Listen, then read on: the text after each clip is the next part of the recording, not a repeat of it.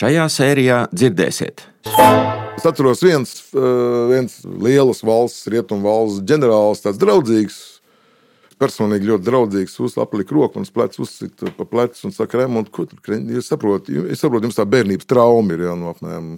Jā, kad tādā veidā tas notiek, bet mēs visu sarun, sarunāsim, saregulēsim, viss notiksies. Jā.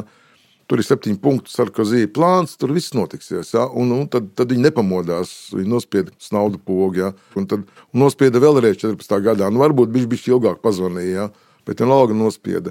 Nu, tāpat nekas nemainījās doktrināli. Tagad, jā, tagad tā realitāte tiks atspoguļota ar to, ka tiks vārdos saukti ienaidnieki.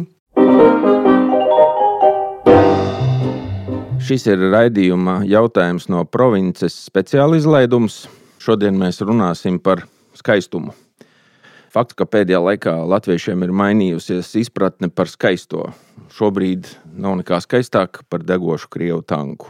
Un par degošajiem krievu tankiem un vispār tankiem šodien arī parunāsim. Un, kas interesanti, šodien sarunā par tankiem būs klātnēsošs motorizēto kainieku vada komandieris vecākais leitnants Dzintris Kolāts. Toties viņa vietā mēs esam uzaicinājuši ģenerālleitnantu, bijušo Nacionālo bruņoto spēku virspavēlnieku Raimondu Graubi. Zvanām uz piņķiem Raimondam. Sveicināts, Raimond! Sveicināts, sveicināts!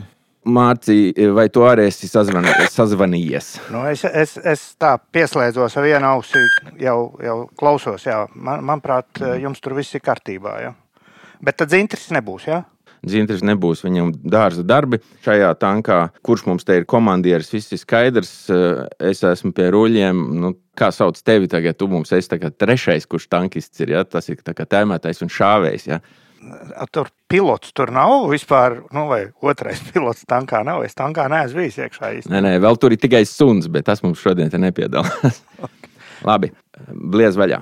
Jā, Sveiki, Raimonds. Sveiks. Man klausītājiem ir viena maza atruna, lai nedomātu, ka es te esmu galīgi vienkārši aiz vecuma kļuvis vēl stulbāks un, un familiārs bez gala. Es ģenerāla leitnantu Raimondu Graubu uzrunāšu uz tu. Tā vienkāršā iemesla dēļ mēs vispār esam skolas biedri varētu būt pazīstama no kaut kāda, es nezinu, 66. gada apmēram, kaut, kaut kā tā apmēram. Ja. Tā nu viņš iznāk. Visi abi esam uh, otrās vidusskolas absolventi, nu, ar visu to bagāžu, kas, nu, kas nāk no otrās vidusskolas, iepratim pirmajai. Ja.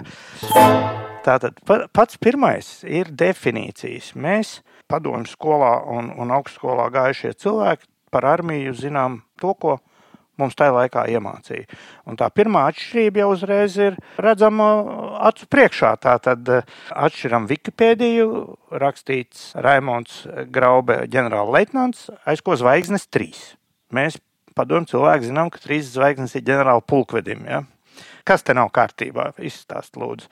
Nu, jāsaka, beidzot kārtībā, jo, jo tā ir NATO sistēma, kurā pakāpju nosaukuma atšķirās ja Krievijas padomjas vienības sistēmā sākās ģenerālmajora, vienzvaigzne, tad tur sākās brigādes ģenerāli.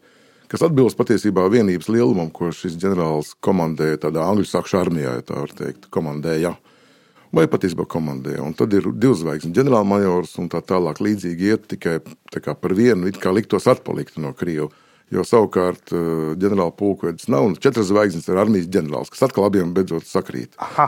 Tā kā jā, tāda ir tā kārtība. Okay, Esam NATO. Līdz ar to ir tagad pareizi. Un līdz ar to lūdzu, mana vecuma cilvēks, lūdzu, nemulst.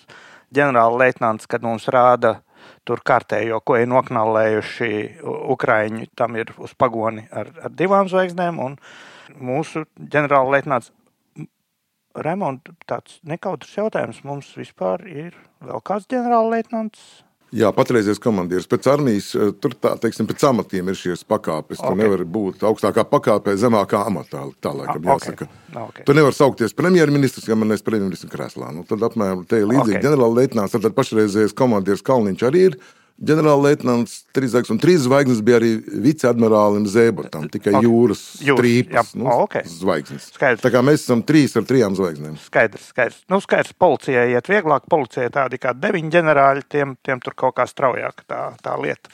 Veidojās skaidrs par definīcijām. Nākošais ir jau tas, ko mēs skatāmies ziņās. Proti, visi, kas ir pētījuši vai interesējušies par otrā pasaules kara vēsturi, zina, ka tur visu laiku centrālais, tas ap ko viss grozījās, bija divīzijas. Pie eh, Staļingrads 26 divīzijas, tur tajā dēdienā bija tik divīzijas, pretī bija tādas pancerdivīzijas, viscaur bija divīzijas. Šobrīd mēs tādu vārdu ziņās nedzirdam vispār. Un tad, kad runā par kaut kādām mērvienībām, runā par man pilnīgi nezināmu jēdzienu, eh, taktiskā bataljona grupa vai kaut kā tā to sauc. Un Kaujas, kaujas grupām. Krieviem tagad no 65 palielinājies uz cik tur tajā un tā. Kas tas ir pa zvēru vispār? Nu, kaut kā citādi tas karš notiek, acīm redzot. Īsa atbilde ir sekojoša. Tomēr Pirmais pasaules karš, Otrais pasaules karš, kur tās struktūras bija apmēram vienādas, tas bija ierakuma karš. Un viņš tomēr bija ļoti, tās divīzijas bija ļoti koncentrētas, lai arī vienā divīzijā kaut kur ap desmit tūkstoši. Nu, principā nekad otrā pasaules karā nevar padaudzīt. Tas bija nu, teiksim, 6, 7 tūkstoši kā kurā. Un Jālaugiņš bija kādā 5 km frontē. Tā bija ļoti, ļoti šaurā joslā, kāvās, īpaši kurzemē, piemēram, kur ir skaidri pētīts. Bet viņi bija ierakušies. Tas bija kontakts cīņa nepārtraukti, ierakumi viens no otra, tur nezinu, tik un tik metri.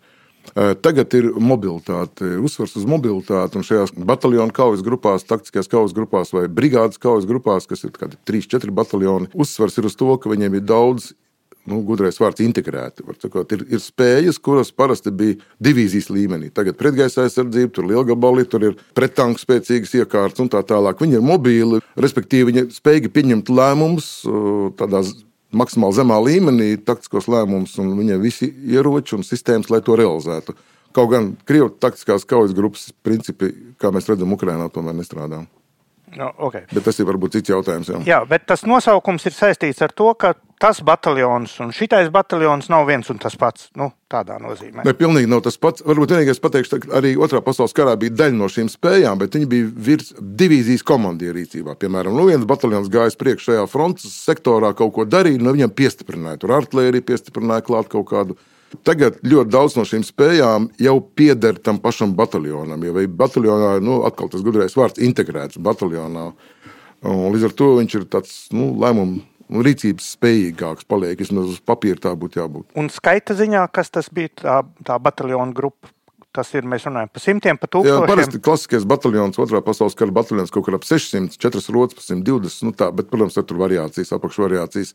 Tad tagad taktiskā kaujas grupā ir apmēram 800 līdz 1000. Nu, principā 800 atkal var kādu piedot specifiskam uzdevumam, kaut kādu atsevišķu spēju klāt. Piemēram, caursist to vai to, vai pilsētas cīņās varbūt kādu atsevišķu atkal vienību piestiprināt. Bet kaut ko tādu atkarībā no uzdevuma. Viņi ir tāda modulāra sistēma, ar to atšķirās varbūt no tādas ļoti, ļoti klasiskas otrā pasaules kara, augstā, pat augstā kara teiksim, struktūras. Skaidrs. Bet nu, tā secība joprojām paliek. Ir vats, kuru komandē parasti leitnants, rotu komandē kapteinis, bataljonu padomju armijā majors parasti komandēja. Majors būt... ir pūkužleitnants. Pūkužleitnants, jā. Okay. jā. Un, un... NATO sistēmā pūkužleitnants, Latvijas armijā arī pūkužleitnants. Ir bataljona tās grupas komandieris. Un tas nozīmē, ka atbildība ir nodalīta drusku jau nu, zemāk. Ja? tādā ziņā tuvāk pašam kaujas procesam, pašam kaujas laukam, nevis kaut kur kaut kādā tālā eh, dzelzbetona štāvā. Tā ir jābūt. Tā ir tā ideja šajā mobilajā, gan uzbrukuma, gan aizsardzības eh, kaujās. Bet atkal atgriežamies pie tā, ka eh, tā rēķināja rietumu. Pirms uzbruka Krievijas armija, teiksim, analizēja un, un rēķināja viņas spējas, kas bija likās nu, tik draudīgas, ka tur būtu diena jautājums patiešām lai sakautu ukrāņus. Bet viņiem šī sistēma nenostrādā. Viņi joprojām strādā pēc vecā principa, kad skatās uz augšu, un tas bataljona komandieris grib sagaidīt konkrētu uzdevumu, konkrētu atbildi. Jautājumos, kuros rietumu sistēmā patiesībā eh, ir atbildīgs bataljona komandieris un pat vēl zemāk. Tā ir viena no tādiem varbūt ātriem secinājumiem, eh, par no šī kara pirmiem secinājumiem. Komandu vadības sistēma galīgi kliba neiet kopā ar modernu, nespēja nu, tādu vest tādu modernu kara, kara darbību teorētiski vajadzētu spēt, kā sapratuši visu bija, bet praksē nestrādā. Vai vāji strādā? Un, acīm redzot, Ukrāņiem ir izdevies uztaustīt šos vājos punktus un izmantot sev par labu. Tādā nozīmē, ka tas nu, tā kustība ir kaut kur iestrēgusi, un, un kāds tur gaida pavēlu vai vēl kaut ko, tikmēr viņam no krūmiem iešaujas ānā viens. Jā, viņi pat vēl, vēl vairāk deleģē, viņi ir apmācījuši, izmanto šo rietumu instruktoru apmācības sistēmu. Teiksim, tas, ko padomu laikā seržants bija, kaut kāds tāds izliecējs jā, starp karavīriem, kurš tur kaut kur gribēja nopelnīt strīpiņus, lai aiziet mājās ar vairāk zelta pleciem. Jā. Tad rietumos seržants. Seržanta pakāpe var Amerikas armijā, piemēram, var dabūt tikai pēc kādiem apmēram astoņiem gadiem dienesta. Vienā un tajā pašā vienībā. Leitnants iet un mainās. Tas seržants tajā vienībā zina, pa kuru caurumu viņi iet pēc, pēc viskija, un pa kuru pa, pa caurumu viņi lien pakaļ pēc, pēc nezinu. Pēc meitām. Nu, piemēram, jā. jā. Jā, viņš visu zina. Un viņš ir tas, kas patiesībā to, to principu tur arī nosaka un vada lielā mērā. Un viņš ir, viņš ir trenēts arī veikt šīs kaujas operācijas, vadīt. Un šī deleģēšana uz, uz maksimāli tuvu kaujas laukam vai tam karavīram ir viens no arī Ukrāņu panākuma atslēgām. Viņš ar mazām vienībām veikt mobilas darbības. Tur, tur neskrēja pakaļ aizmugurē pulkšs leitnants, tur nerāda pirksts, pa kuru tanku šaut. Tur ir seržants, kas pieņem lēmumu, vada šo, šo ieroci, un viņam ir izstāstīts komandieru nodoms, pat patiesībā nevis teikt šo pa pirmo vai piekto. Viņš pasakā, tā šī kolona jāaptur, nu, piemēram, tā vienkāršot. Ja? Šī kolona jāaptur, un viņš pats aiziet, paskatās ar dronu un pieņem lēmumu. Izskatās, ka Krievijas armijā tomēr šī vecā padomu sistēma, kur vienmēr skatās pār plecu uz, uz ko, ko tas nākamais man tas kapteinis un ko kapteinim pukšlietnants teiks, un ko tas ģenerālis, kas atrodas tik tuvu fronts līnijai, kur neviens normāls ģenerālis neatrodas. Ja. Bet uh, Ukrāņi šo pa astoņiem gadiem saprata un iemācījās. Tas tā izskatās, vai ne? Jo pirms 14. gada viņu armija bija nu, gluži tāda pat kā Krievijas armija. Jā, obligātā dienesta. Nu, viņi, nu, tur bija tāds interesants sajaukums ar to, ka viņiem pašiem šī astoņu gadu pieredze uh, arī Luganskas un Doņetskas frontē. Viņi arī veica gan tādu klasiskas aizsardzības, vienkārši turēja, kas saka, hold ground, jā, ground nu, turēja tos zemes pleķīti nu, tādā diezgan konvencionālā veidā bet arī, bet arī ja vajadzēja veikt tādu mazo vienību uzbrukumus. Ja. Viņi principā paņem no speciālistiem vienībām nedaudz. Arī mūsu, ko es varu teikt, arī mūsu instruktori, mēs esam apmācījuši, mēs esam bijuši Ukrajinā ar instruktoru grupu, pastāvīgu grupu gadus, daudzus gadus. Un tad tas, tas ko laikam es varu teikt, ir tas, kā, kas tiekos, kas kā komandieris vēl tikos ar šiem instruktoriem. Tad apmēram tā viņi saka, nu, taktiskā līmenī kārtiem, kārtiem uh, separātistiem vai principā krieviem, ja krievu armijas uh, vadību karot, nu, taktiski viņš saka, mēs viņiem tur grūti ko iemācīt. Mums Afganistānā cita veida pieredze, tur tomēr tāda klasiskāka. Bet tas, ko viņi varēja mācīt, viņi mācīja plānošanas metodoloģiju, apmācību metodoloģiju, veidu, teiksim, instruktoru pakāpju, nu, ko saucam par seržantu pakāpju, teiksim, atbildībām. Un tur gan viņi bija ļoti, ļoti labi skolnieki. Viņi, viņi paši un tālāk viņi uztaisīja kas saka, sakombinēja, sakompilēja, ja tā var teikt, no savas zināšanas savējās ar mūsējām. Es domāju, ka tur ir ļoti, kā redzam, ļoti, ļoti labs produkts iznācis. Patiešām kaujas spējīgs un, un plus vēl pieliekot garu tam visam klāt, tad kaujas par. Tas ir apbrīnojami. Tas ir tiešām tas ir ļoti apbrīnojams. Tas ir fenomens, ko mēs ilgi analizēsim Ukrāņus tas, ko es eh, esmu priecīgs, ka mums ir izdevies to noformulēt, lai tie mūsu klausītāji, kas nevar aizmigt bez kārtējās Restoviča nomierinošās vakara pasaciņas, ja, tas, kas tur neparādās, jo fonā viņiem tas pašiem ir pilnīgi skaidrs, bet mums to darētu sev atgādināt, ka te iespējams ir divu paauģu militārā nozīmē konflikts ir vecā 20. gadsimta labā vai sliktā izpildījumā, Krievijas gadījumā, acīm redzot, vēl nu, ar visu nozagto dīzeli un, un, un visu šito, bet sliktā izpildījumā, bet 20. gadsimta koncepts un tam pretī stājies daudz mūsdienīgāks militārās koncepcijas izpildījums. Ka tā ir ne tikai cīņa starp rietumiem un austrumiem, vai starp, tur, kā cits saka, starp ordu un, un civilizāciju, vai, bet tā ir arī vecākais un tagad jaunais militārais koncepts, kur viens no viņiem ir acīm redzami pārāks. Tas ir tas, kas fonā visām tām ziņām, kas mums gāžas virsū. Te skan jautājums no provinces. Telefona radio raidījums, kuru Latvijā klausās katrs ministrs un katra deputāte. Nepaliec par vientulīti arī tu. Noklausies pats, pārsūti raidījumu radiem un pastāsti kaimiņam, ko dzirdēji jaunajā sērijā. Izglābi draugu no garlaicības un nezināšanas, uzaicini viņu raidījuma klausītāju pulkā. Tagad par konkrēti jau par tiem skaistuļiem, par degošiem krievu tankiem. Tajā pirmotnējā pieņēmumā bija ka Krievu armijai vispār ir pārpa 10 tūkstoši tanku. Tur dažādi skaļi tiek minēti 12, 13. 14,000. Pat 16, pat, pat 16 ir ļoti dziļi noliktavās pakastas stūros. Tad 16. jā, jā, tur kādā vēl var būt kāds vācietis iekšā. Gūstā paņemts 44. gadā. Tas ir ārprātīgs skaitlis vispār. Nu, tā padomā, jo mēs te tā kā ņirgājāmies par mūsu vācu draugiem pēdiņās, viņiem tie modernākie leopardi bija skaitā 280 vai kaut kāds tāds skaits. Nu, eh, apmēram tikpat daudz, cik eh, Ukraiņu zemesardzes pirmajā nedēļā bija noblietējis Krievu tankus. Ja.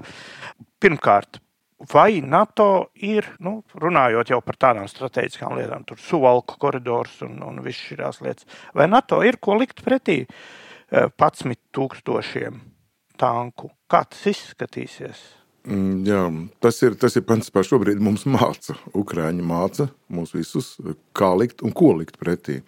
Redziet, pirmkārt, jau pati tehnika jau vēl neko izrādās nenozīmē, jo viņā tomēr sēž iekšā cilvēks. Viņš vada šo cilvēku. Cilvēks viņu vada, viņš viņu remontē, viņš jau degvielu iekšā ir ko lietu un tā tālāk. Ja.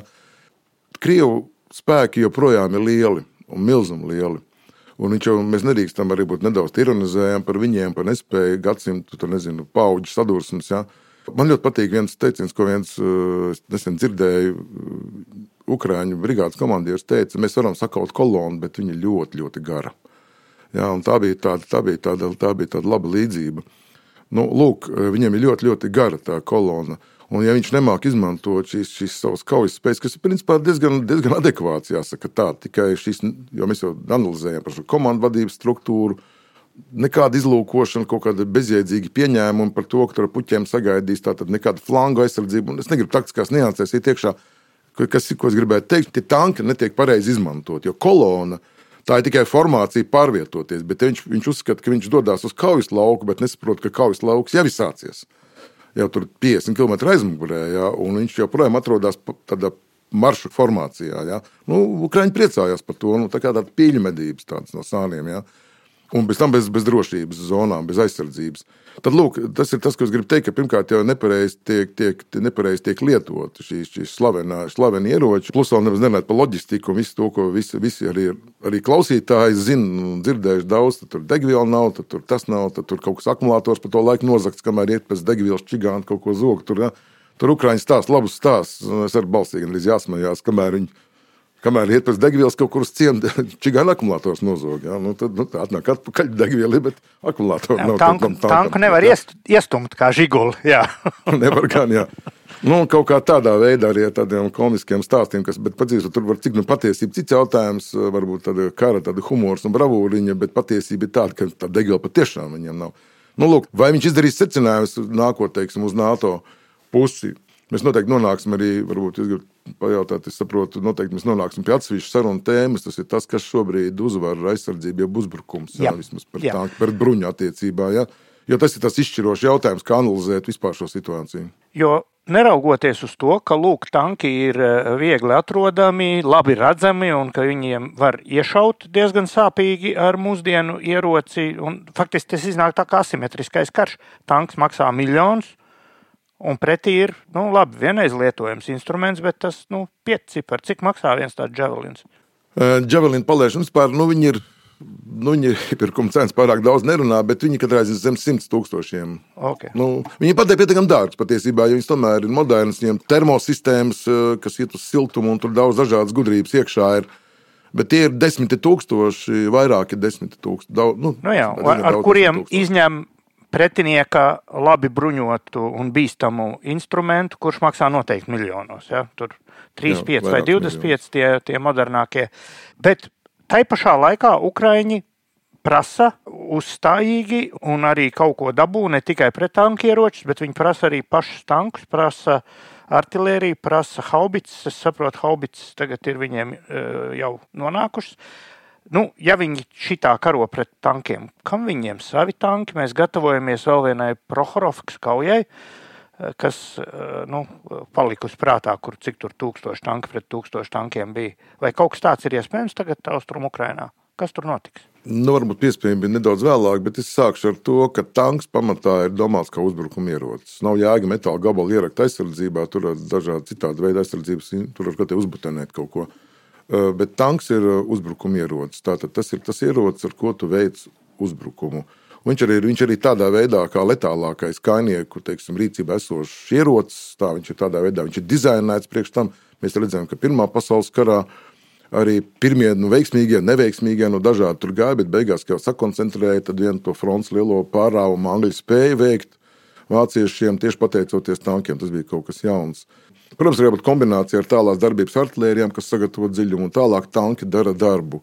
Tāpēc Krievijam ir tik daudz tanku, jo viņi paredzētu uzbrukumā. Ja Ukraiņš šobrīd aizsargājās veiksmīgi, tanku kaujās.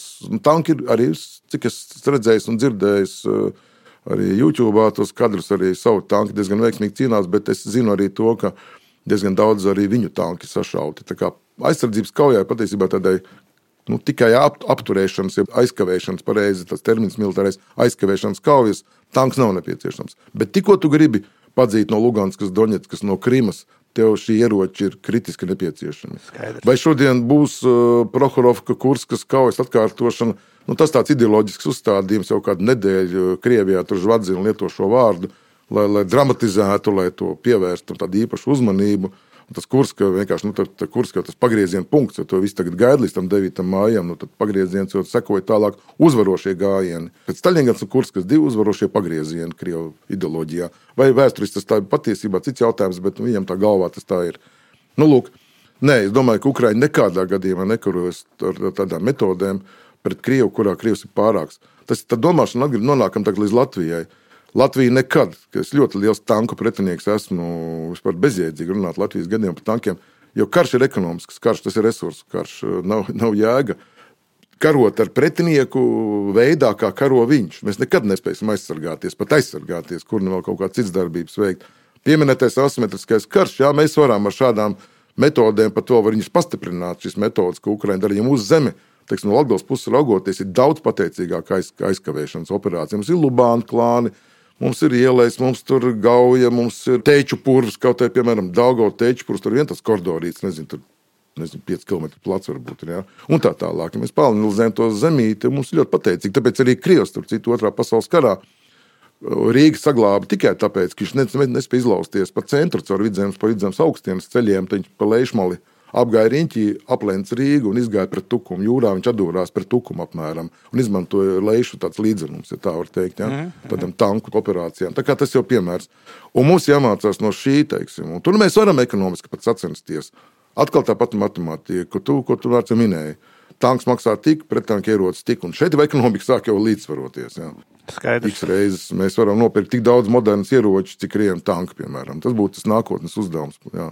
Bet tad tiem ukrāņiem tie tanki, tad kāpēc? Tā vienkārši drošībai? Nē, nē, nē nu viņi arī, nu, tā, nu, Ukraiņa 40 miljonu valsts, beigās viņi, protams, ka viņi, nu, to aizsardzību un savu bruņoto spēku veido balansēti, tā klasiski ar iespējām pretuzbrukumam. Tikai šobrīd šīs spējas viņam trūkst pret to, ja, ja savukārt Krievi ar, savām, ar savām spējām ierokās, tad, tad, tad Ukraiņiem ir problēmas. Atcerēsimies arī klasiskajā metodikā, kā rēķina uzbrucēju un aizsardzības proporcija viens pret trīs. Trīs uzbrucējiem, viens aizsardzībai. Un vēl sarežģīta aizsardzības pozīcijās pat vēl vairāk. Vajag 5 pret 1 pilsētā, varbūt pat gandrīz 10 pret 1 lai tu uzbruktu, izcīnītu uzvaru. Un vēl viena liela priekšrocība aizsardzībai ir tas, ka viņi izvēlās šo aizsardzības vietu. Viņi ir tie, kas nosaka, es pie šīs upes, pie šī kalna galā, nu vienalga šajā krūmalē, sēcmalē vai kaut kur ciematā. Uzbrucējs tikai zina virzienu, un krieviem tagad laiks tur pareizticīgo tur Lieldienas vai 9. maija vai vēl kaut kāds Putina uzrunas diena, ja, nu, tad viņš var sekot viņam laiks, un tas laiks ir nu, tā kā viņa problēma. Tas atkal cits stāsts. Ja. Vēl viens pie definīcijām e, jautājums, pirms es mēģināšu ievilkt nedaudz vēsturē. Tā tad e, man pašu izbrīnīja, ka es biju tādos iespaidos, ka artērija ir tas, ko rāda filmās par Berlīnes šturmēšanu, un tur ir tāda artērija un šitāda.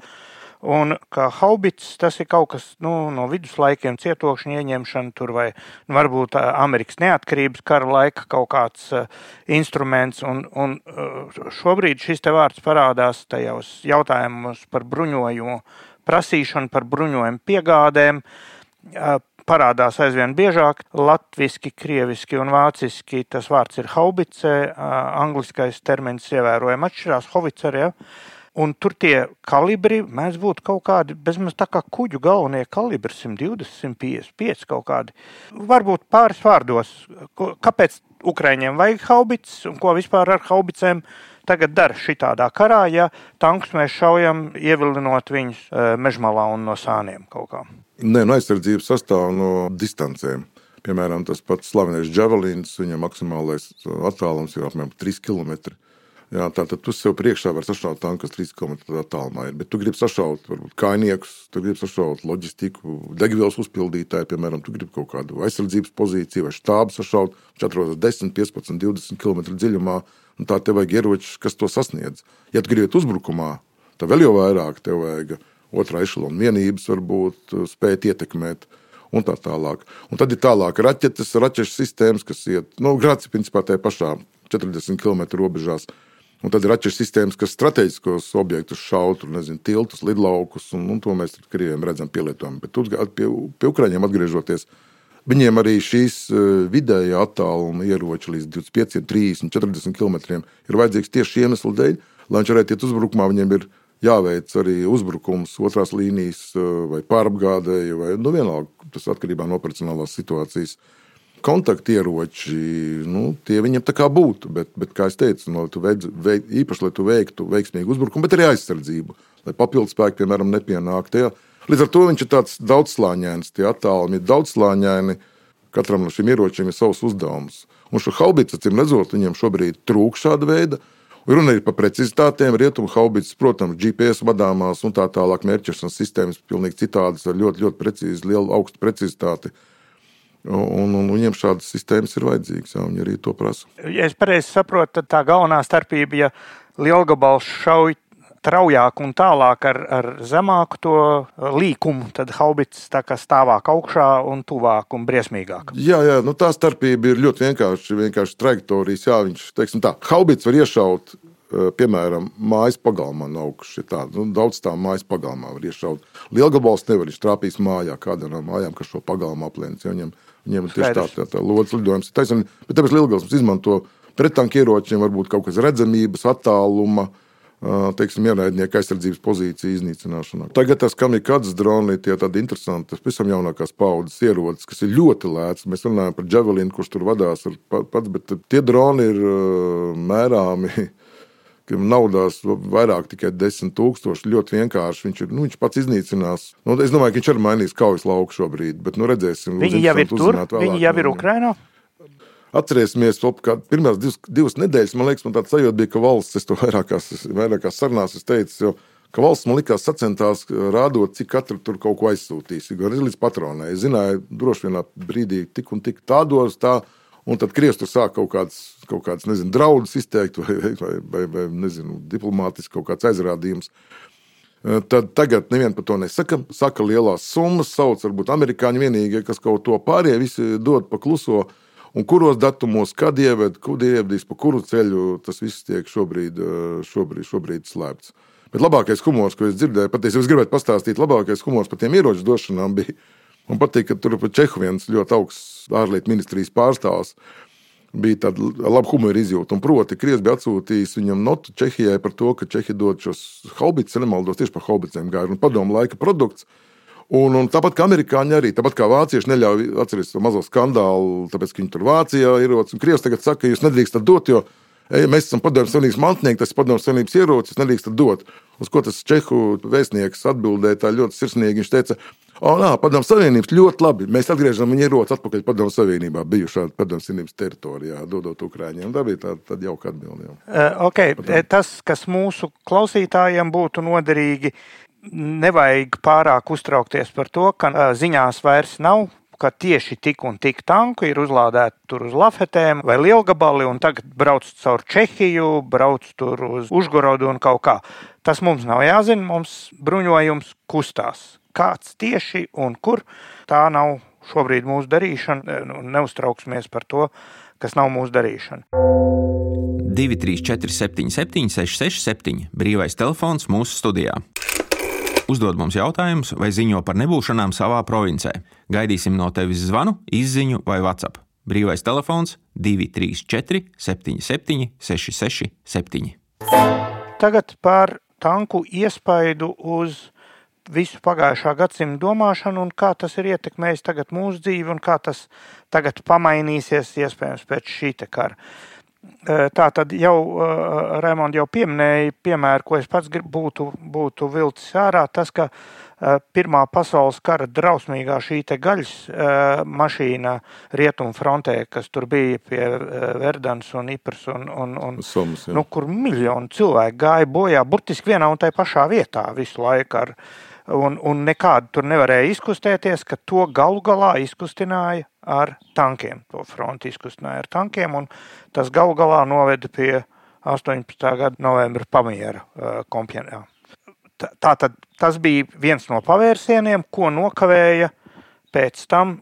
Es pieņemu poļu armiju, kur vēl 39. gadā taisījās karot ar, ar dragūniem un huzāriem un, un, un tā. Nu, tā kā kā bija noskatījušies no Budjonī vai no uh, kāda no, no šitiem. No Tuhačevska. Nē, Tuhačevskis bija tanku fans. Starp citu, Tuhačevskis bija viens no visvismodernākajiem ģenerāļiem.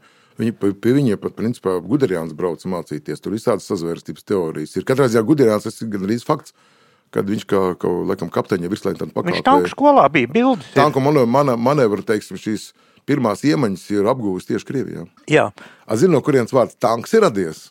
E, Angļi slēpa to. Viņi to nu, viņi, viņi sauc par nu, tā ir kaut kāda tvertne, vienkārši kur kaut ko ieliet un nu, uztankot tādā nozīmē.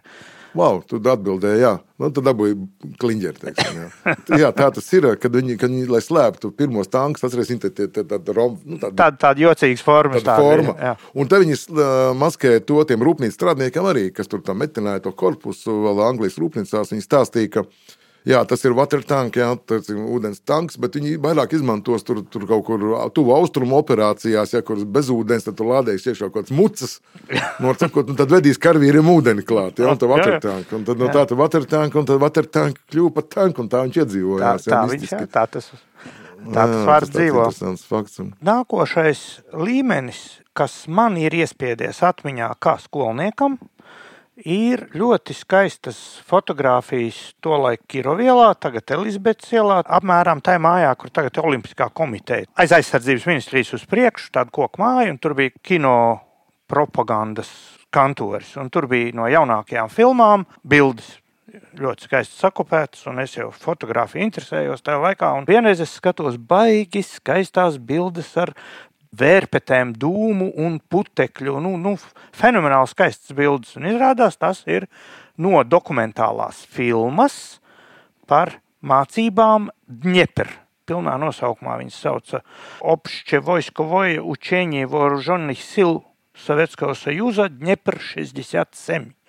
Notika 67. gada rudenī, un es sāku to interesēties, un, un tad izrādījās, man brālim dienesta biedri tur ir bijuši, un uh, tad es esmu saticis cilvēku vienu, kas pats tur ir bijis, un tad izrādījās, ka Rihards Pīks, mūsu pazīstamais kinooperators, ir tur kā jauns operators no Rīgas kinostudijas pats to ir filmējis arī kā viens no ļoti daudzajiem, jo tas bija paredzēts gan kā militāri, ļoti nopietns notikums militāro mācību, militārās, es gribētu teikt, demonstrēšanas nozīmē, un, protams, propaganda, jo tā filma tika uzfilmēta, nekā slepeni tur nebija.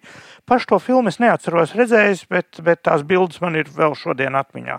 Un tagad, kad palasot tos datus, iznāk, ka tur ir vispār brīnuma lietas, un tie ir 60. gadi. Vēl žiguls nebija uztaisīts. Žiguli izlaida 17. gadā. Līdz tam cilvēkam Moskvičiem brauc. Mana vecuma cilvēki zina, kas ir Moskvičs. Jauni jaun cilvēki domā, ka tas ir automobīls. Īstenībā tas ir nu, nu, tāds apbrīnojams sūds trīs ātrumu ar, ar nekustīgu sēdekli un bez bremzēm un bez stūres pastiprinātājiem tā tālāk. Un... Bet tu esi klusākā mašīna, visklusākā mašīna pasaulē. Jo kā apsēties iekšā tajā ceļā, aizspiedās ausis. Oh, jā, jā, jā, jā, brīnišķīgi. Tieši tā. Un arī savu līdzību tanku viņai ir, jo no viņas redzamība ir apmēram tikpat, cik no T72 iekšpuses apmēram tas pats. Tā tad tur ir piedalījušies tūkstošu tūkstoši tanku. Ir bijusi tad, kad ir sadalītas daļas, tur kaut kā vai rietumu, austrumu vai kā, kaujā imitētajā bijusi pat tūkstots tanku no katras puses. Ir 400 līdz 800 km gājuši, kā krievis sauc, svajim hodam. Tālāk viena tanku divīzija pilnā sastāvā, te, tajā manā avotā ir rakstīts 330 tanku. 300, tas ir vairāk nekā Vācijai vispār. Ja? 330 tanku ir kustībā forsējuši Dņepru tās vidustecē. Upes platums 450 līdz 500 metri, dziļums 3-4 metri. Tas ir, viņi nobrauc nezinu, cik simt km, pārmauc pāri un pa otru krastu mauc atpakaļ. Un plus tam visam tur tika izveidots arī pirmais eksperimentālais gaisa trieciena vienība ar to, ka viņi desantēja taiskaitā štābus, taiskaitā pašus tankus, Un eh, viens no cipariem, ko man ir izdevies dabūt, ka 22 minūšu laikā nodesantēti 8000 cilvēki un 160 kaujas tehnikas vienību. Arī no šodienas viedokļa tas mērogs ir kaut kāds fantastisks.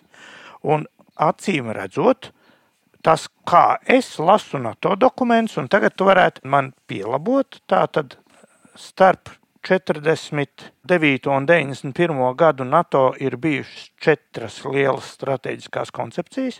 Tā pēdējā, līdz augstākā beigām, kas bija spēkā, ir pieņemta 67. gada decembrī un 68. gada janvārī apstiprināta.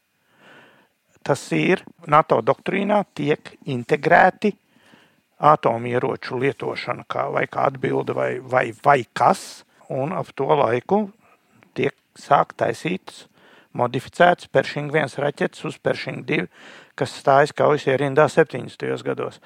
Es to lasu šādi, ka pret šādu tanku spēku, ja to izmanto centrālajā Eiropā, NATO nebija citu pretspēku. Principā ir tā, ka jā, īpaši, kad T55 parādījās un lielos daudzumos, un arī šīs mācības, protams, radīja satraukumu. Ne tikai šīs, bet arī daudz citas rietumu ļoti rūpīgi sekoja.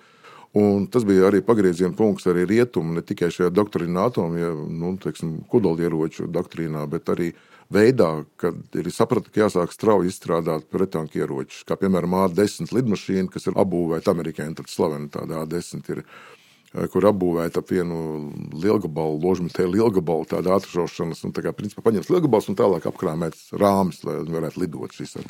Un arī raķetes zem spārniem palikt apakšā, un arī eh, ļoti strauji attīstījās dažādi veidi pretanku ieroči. Tie, teiksim, vadāmie dažāda veida, arī krieviem, arī patiesībā pa tursi un tā tālāk.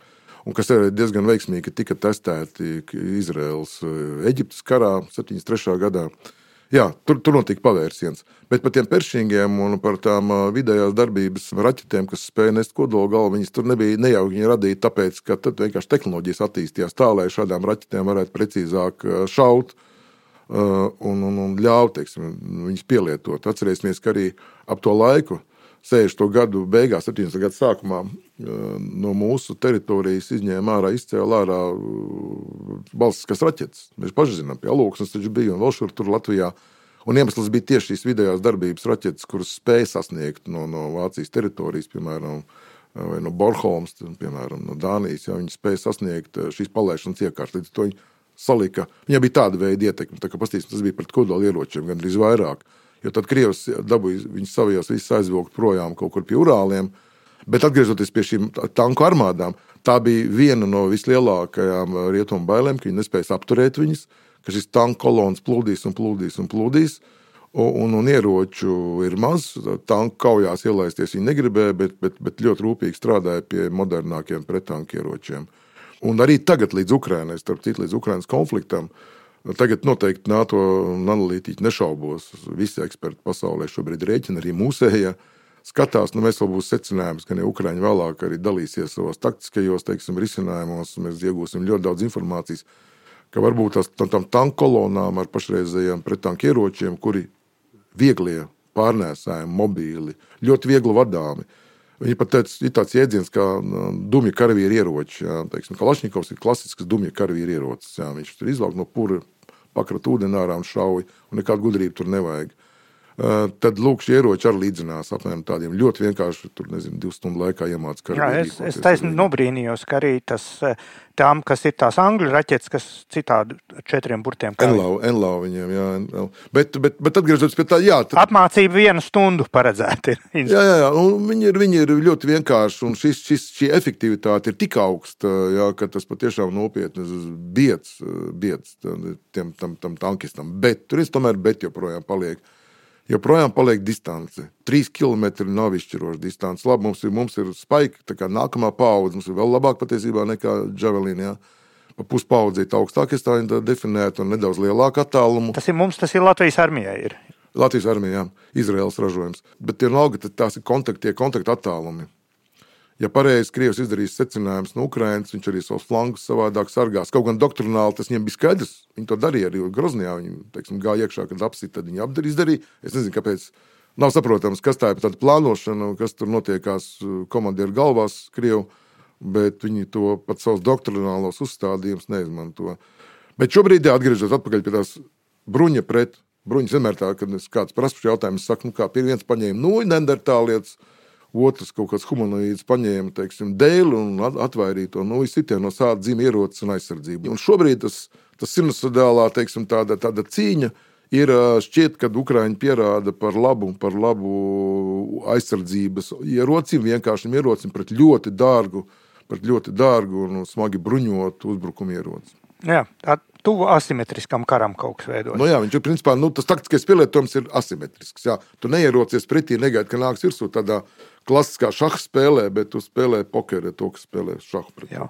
Gatavojoties šai mūsu sarunai, es parakājos pa NATO mājaslapu un izrādās, ka Briest ka taisās mūsu NATO vadība pieņemt it kā jaunu strateģisku dokumentu, un nolikts tas ir uz šo vasaru Madridē. Vai var tā mazdrusciņi pa, pavērt mums kaut kādu mājieniņu mūsu klausītājiem, uz ko gatavoties, kas tur būs?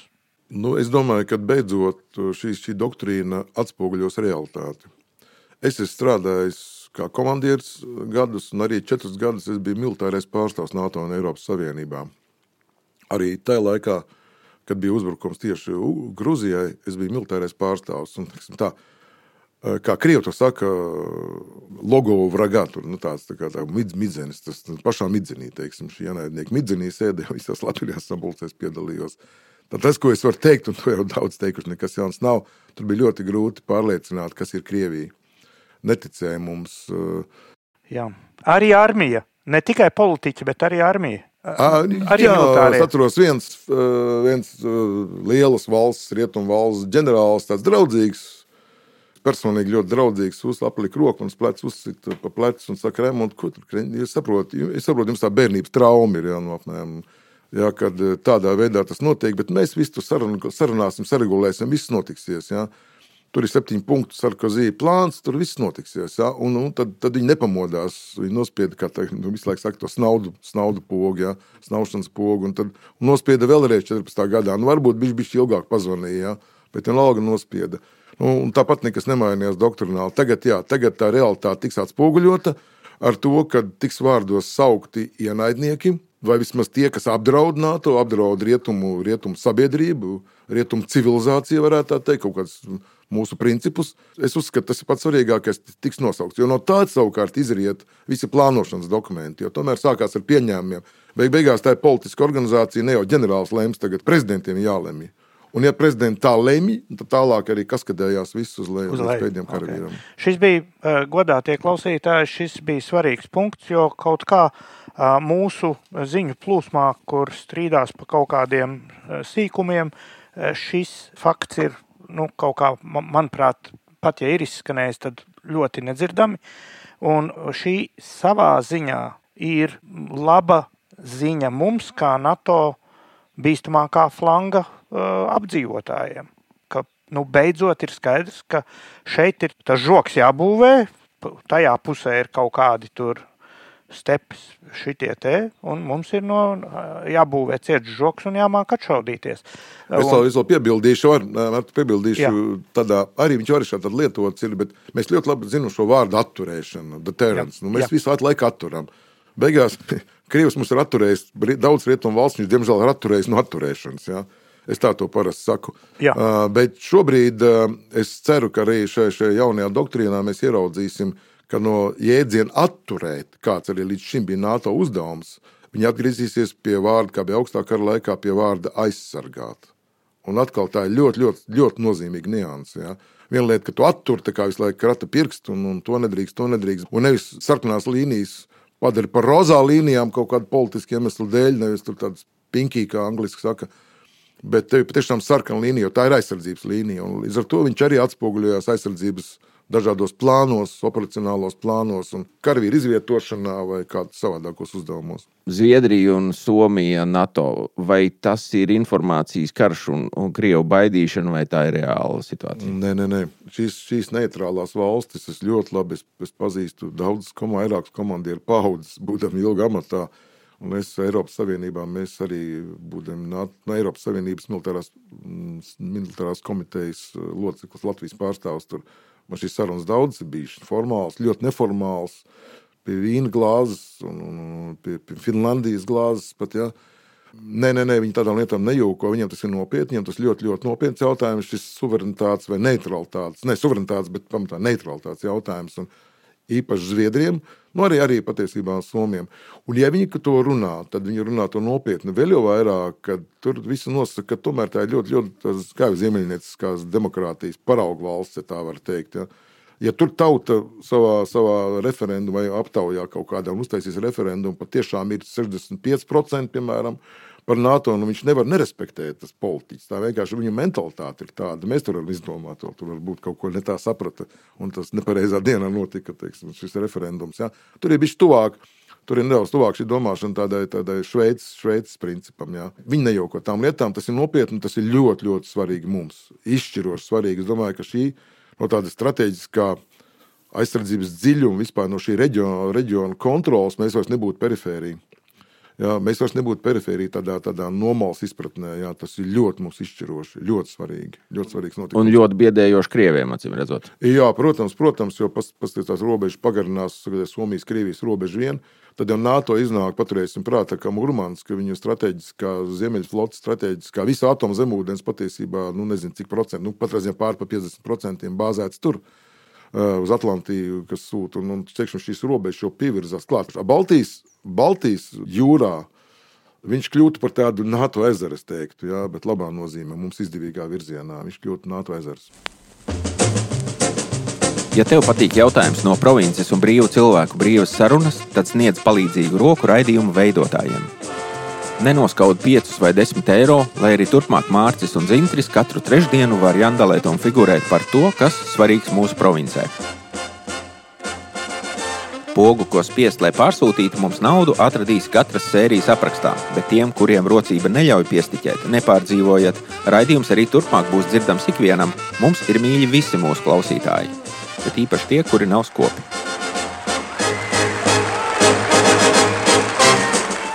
Man tādā ziņā ir gandarījums, ka mums izdevās šo strateģisko līniju izvilkt mūsu klausītājiem to sadaļu, kas neparādās ikdienas ziņās.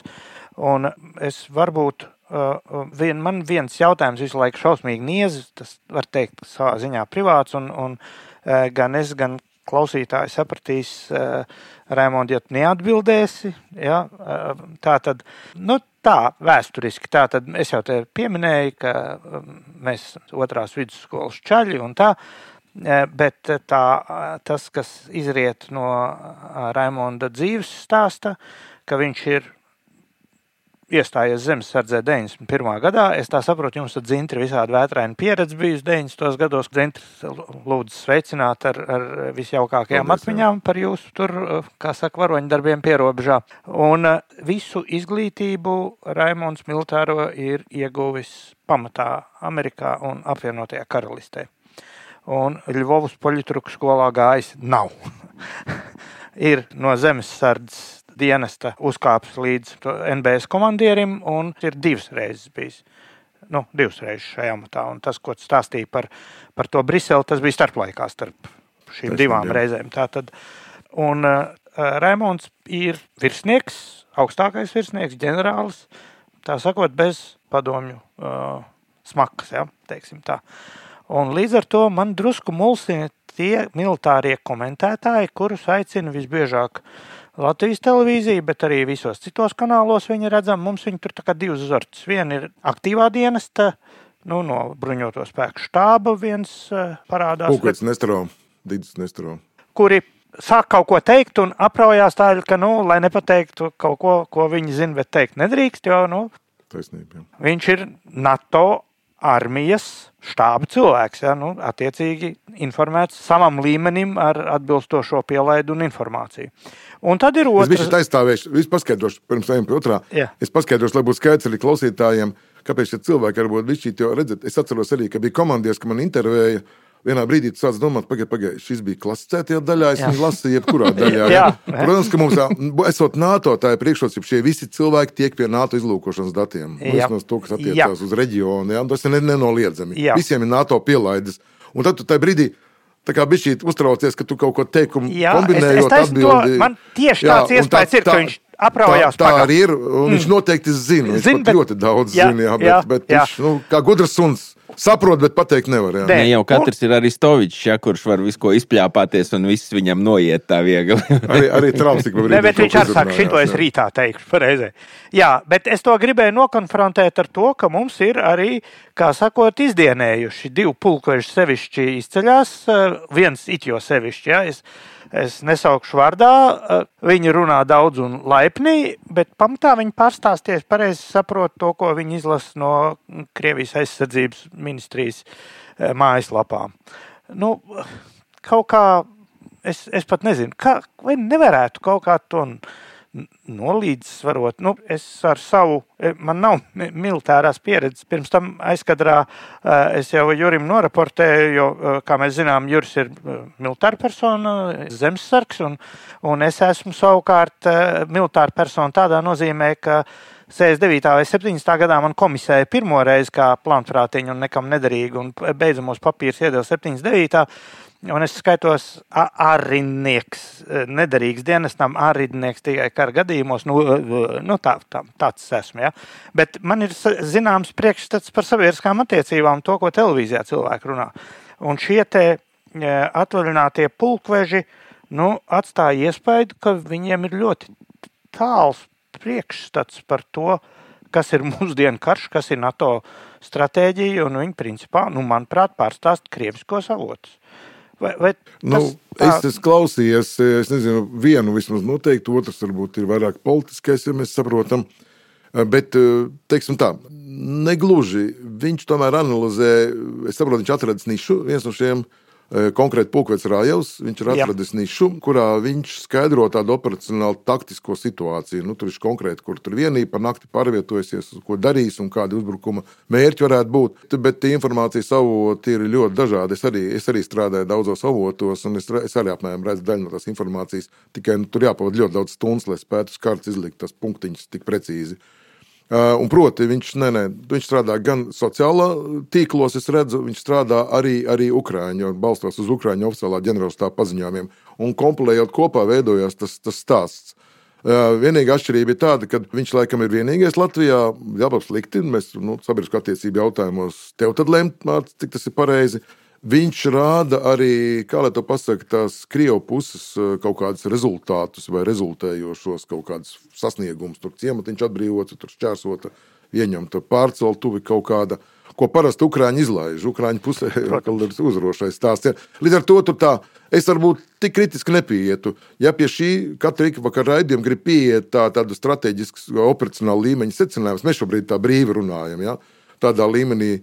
Bet, ja, bet ja, mēs, ja mēs šodien vilktu, būtu uzdevums izstāstīt, kas tieši šobrīd notiek pēdējās 12 stundās pie Zaporožas, piemēram, vai pie Helsinas, vai kas tur nāk lejā, cik tur vienības, kur tur koncentrētas viņas ir.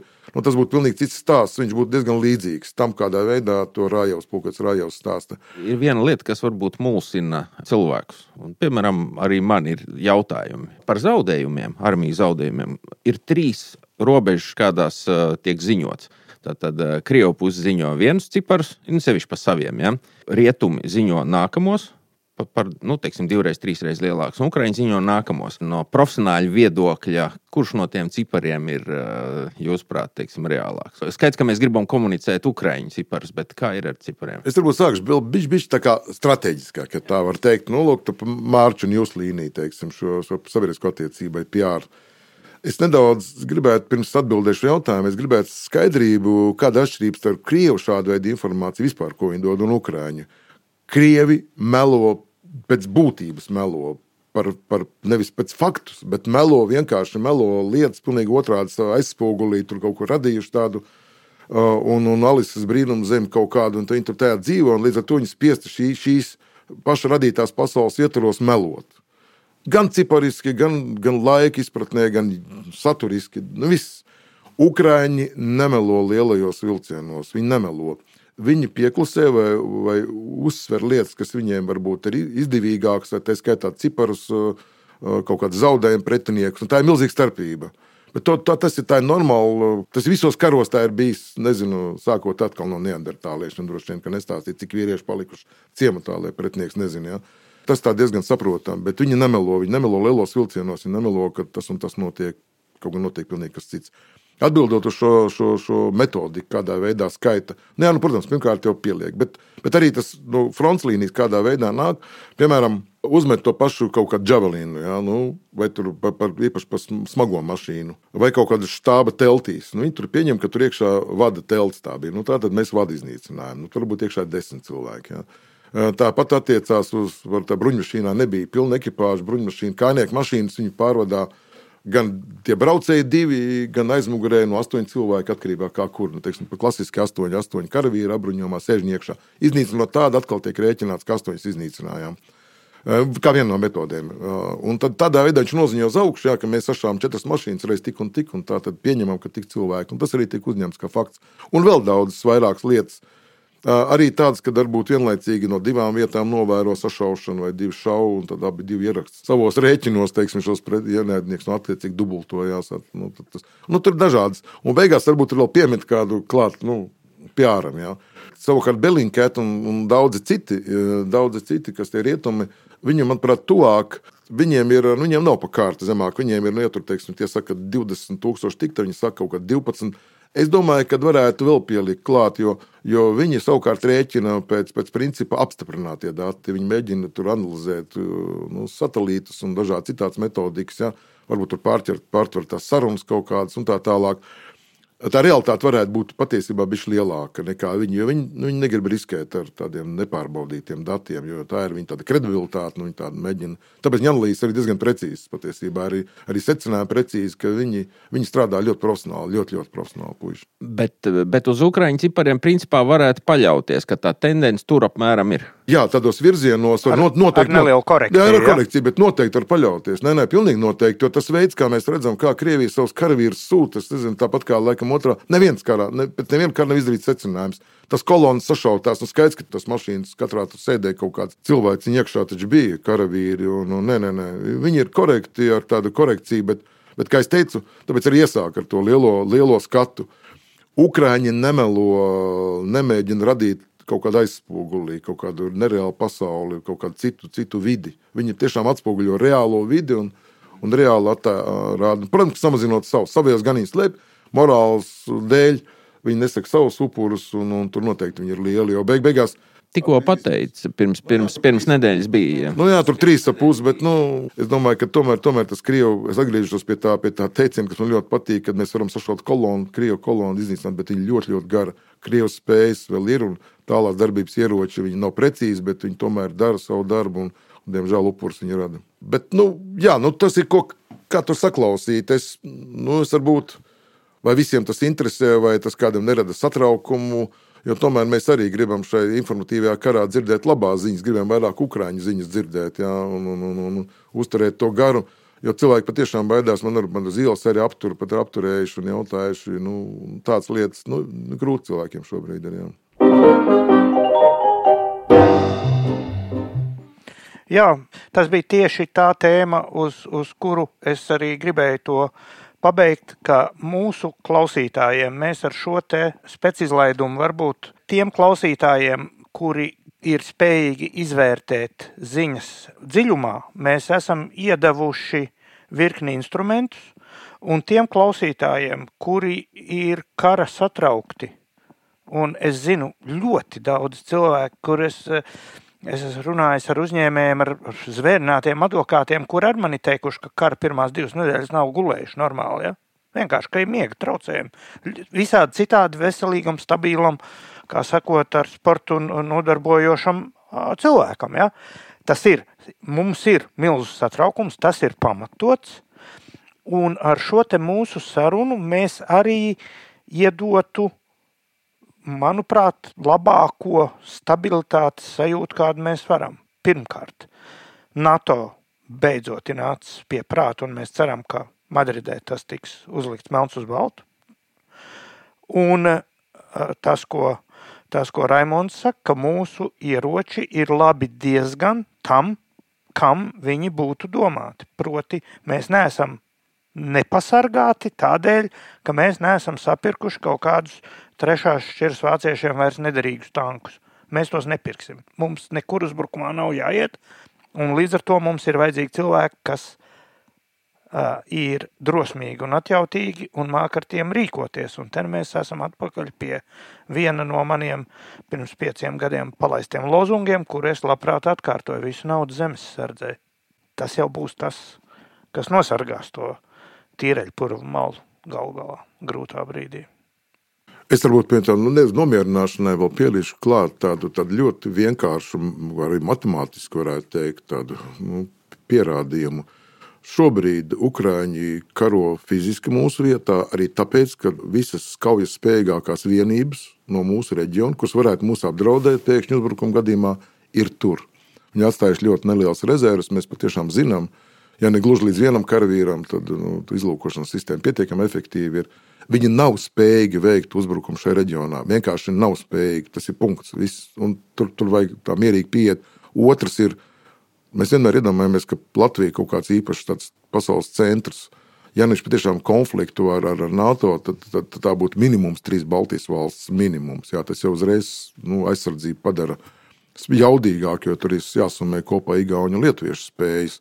Bet tas trešais ir eh, tas, ka šobrīd konflikts notiek um, Austrumē Eiropas centrā. Vismaz man ir tik austrumē Eiropas iedziens, bet nu, vienalga, var sakot, tās daļas, ko rietums sauc par austrumē Eiropas centrā. Un visas ieroču piegādes, NATO ieroču valstu piegādes notiek ar Polijas teritoriju.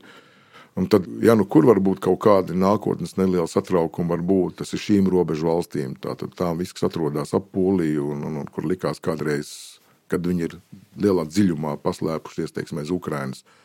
Šobrīd būsim mierīgi, būsim mierīgi, satrauksimies par kopējo problemātiku. Jā, tiešām kā attīstās, domāsim par Ukrāņiem, domāsim, lai tas neeskalējas, neiet pāri Ukraiņas robežai, bet pāri Ukraiņas uzsver uz tām vietām, kas ir robežojas ar Ukraiņu. Bet būsim mierīgi par sevi.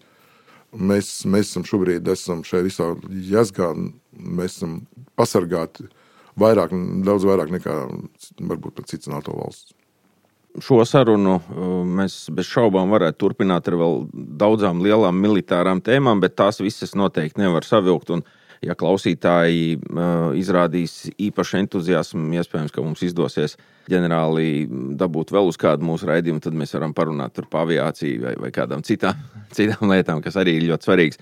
Bet eh, šo tad eh, ar pagaidām liekam punktu šai sarunai. Skaidrs, ka mēs šo skaisto skatu dagošos krievu tankus vēl kādu laiku skatīsim, priecāsimies par to un turēsim ne tikai īkšķus, bet arī izdarīsim, no cik nu katrs var, spiedienu uz mūsu pašu varu, lai tā rīkojās adekvāti, lai stiprinātu mūsu valsts drošību.